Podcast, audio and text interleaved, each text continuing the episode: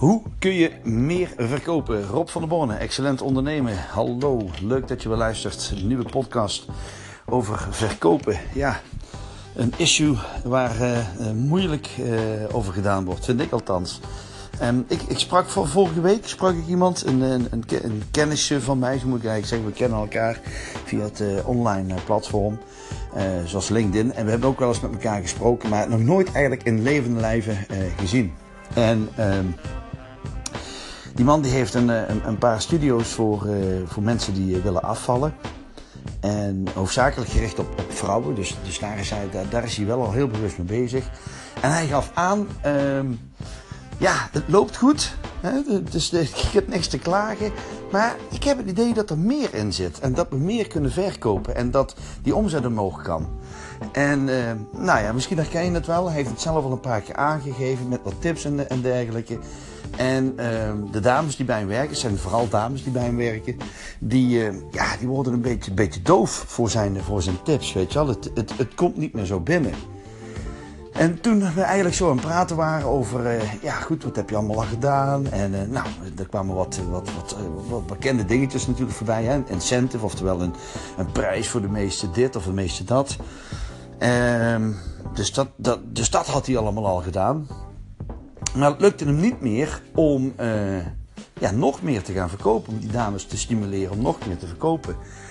En toen stelde ik hem een paar vragen. En, en een van die vragen was bijvoorbeeld van, ja, waarom zou je meer... Ik snap het, hè, je bent ondernemer, maar waarom zou je meer willen verkopen? Nou ja, goed, bedrijfsgroei en dat soort dingen allemaal. En weet je, dat lag helemaal snel en vooraan op zijn tong. Dus eigenlijk zijn eigen belang. Weet je wel, een stabiel bedrijf bouwen, goede omzet.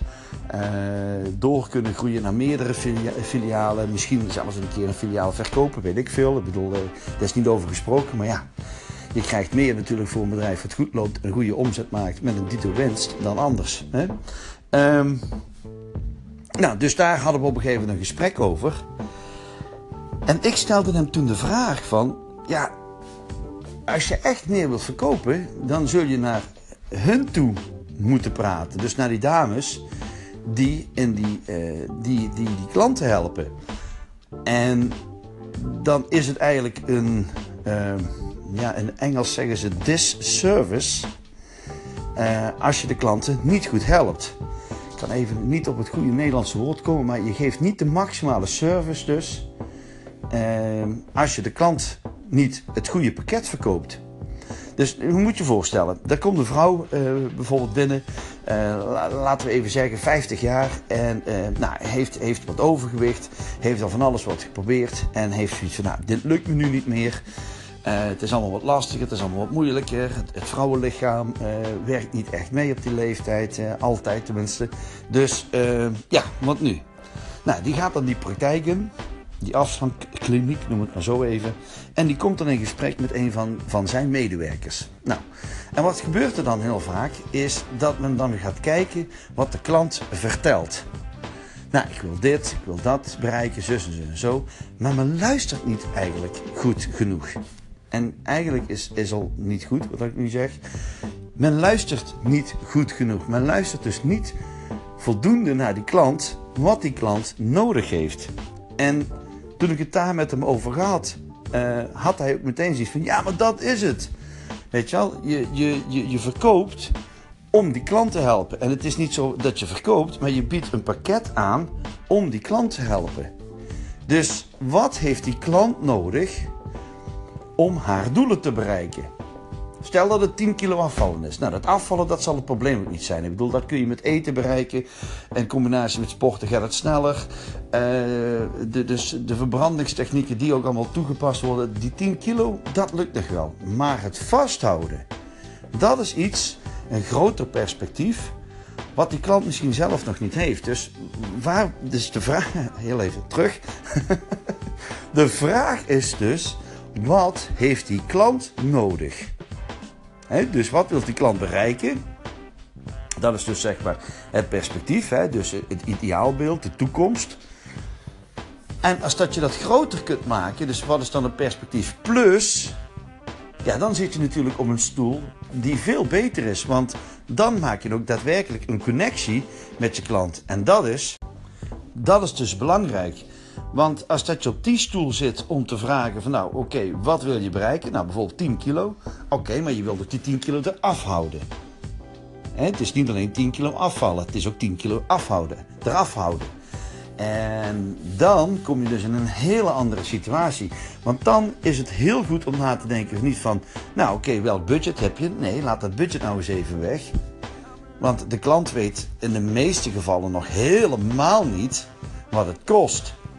En heeft helemaal geen idee of dat de prijzen die horen bij het pakket wat zij hebben gezien, wel het beste is voor deze klant. Dus door te vragen van oké, wat heb je dan nodig? Of dan te bepalen, dus wat wil je bereiken, hoe kun je dat vasthouden en wat heb je dan nodig? Dan ontstaat er iets magisch, want dan ga je namelijk nadenken, wat heeft die klant nodig? En van daaruit ga je dus op een gegeven moment bepalen van oké, maar dan heb je dit nodig. Dan is dit het allerbeste pakket wat je nodig hebt. Dus een programma of aangevuld met andere diensten of uh, wat dan ook. Nou zou het best kunnen zijn dat een klant zegt van ja, maar dat wil ik niet of dat vind ik te duur of oké, dat is dan de volgende stap. Maar eerst bied je aan wat het aller aller allerbeste is.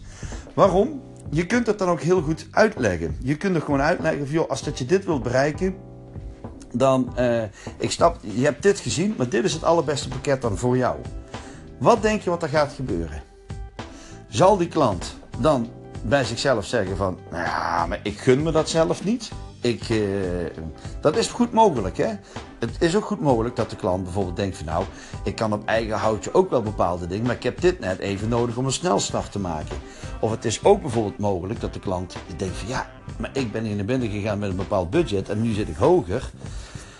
Uh, ik kies toch voor het lager budget. Allemaal zaken die mogelijk zijn. Maar let op, en daar gaat het niet om. Er zal altijd in het hoofd van die klant uh, de twijfel ontstaan, waardoor hij toch uh, denkt van ja, maar ik wil het allerbeste. Even los ervan of het dan de, uh, de, de beste, eh, nee hoe moet ik dat zeggen, of dat er budget is. Hè? Ik bedoel dat, dat even, even terzijde. Ik ben ervan overtuigd dat als dat iemand voor zichzelf de keuze zal maken, dat hij altijd de beste keuze zal maken. En dat is jouw taak dan als jij dan zo'n zo'n aanbieding doet, om dan de beste keuze ook aan te geven. Dus niet denken vanuit, nou, dit is dan het budget en wat kan ik voor dat budget uh, bieden. Nee, je mag gerust aangeven van ja, luister, je hebt dit budget, maar dit is het allerbeste pakket voor jou. En als ik jou een advies mag geven en jij bent de expert in, het, in de ogen van die klant, want die klant die komt bij jou uh, om advies, ja, dan is het gewoon ook jouw verplichting om aan te geven wat de beste keuze is. En als, ook als dat dan een duurdere keuze is, weet je wel, dat maakt dan in zoverre niet zoveel uit. Het is sterker nog, ik vind het gewoon je plicht om aan te geven dat dat de beste keuze is. De klant die beslist uiteindelijk, hè, de klant die gaat altijd beslissen van ik doe dit wel of ik doe een ander pakket wat, wat in, mijn, in mijn portemonnee past bijvoorbeeld, hè, dus in mijn budget past. Of, eh, ja, want hiervoor ben ik niet naar binnen gekomen. Welke argumenten de klant dan ook heeft. Maar het is jouw verplichting om na te denken van wat heeft die klant nodig om zijn doel te bereiken. In plaats van, ik heb een product en vanuit het product ga ik denken.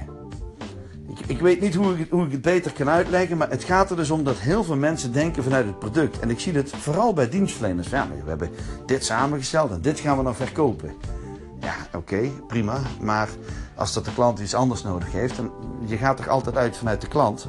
En dat is dus mijn boodschap voor vandaag. Je kunt veel meer verkopen en veel handiger verkopen, veel meer ja's krijgen op het moment dat je gaat nadenken over wat heeft die klant nodig. Nou, dat doe ik ook natuurlijk bij mijn klanten. Ik help mijn klanten door goed na te denken, erachter te komen van wat heeft die klant nodig. Laat dat product nu eens even zitten. Schuif dat product nou eens even aan de klant, aan de kant en ga nu eens even nadenken. En vooral ook ga in gesprek met je doelgroep van wat heb je nou eigenlijk, wat, wat wil je bereiken? Niet wat heb je nodig, wat wil je bereiken? Rob van der Borne, excellent ondernemen. Ik hoop dat ik je weer heb geïnspireerd en gemotiveerd met deze podcast. Uh, ga er eens even over nadenken. En heb je daar hulp bij nodig? Hey, je weet het, hè? Je ga even naar excellentondernemen.nl, vul daar het formulier in en ik neem heel graag contact met je op. Hoi!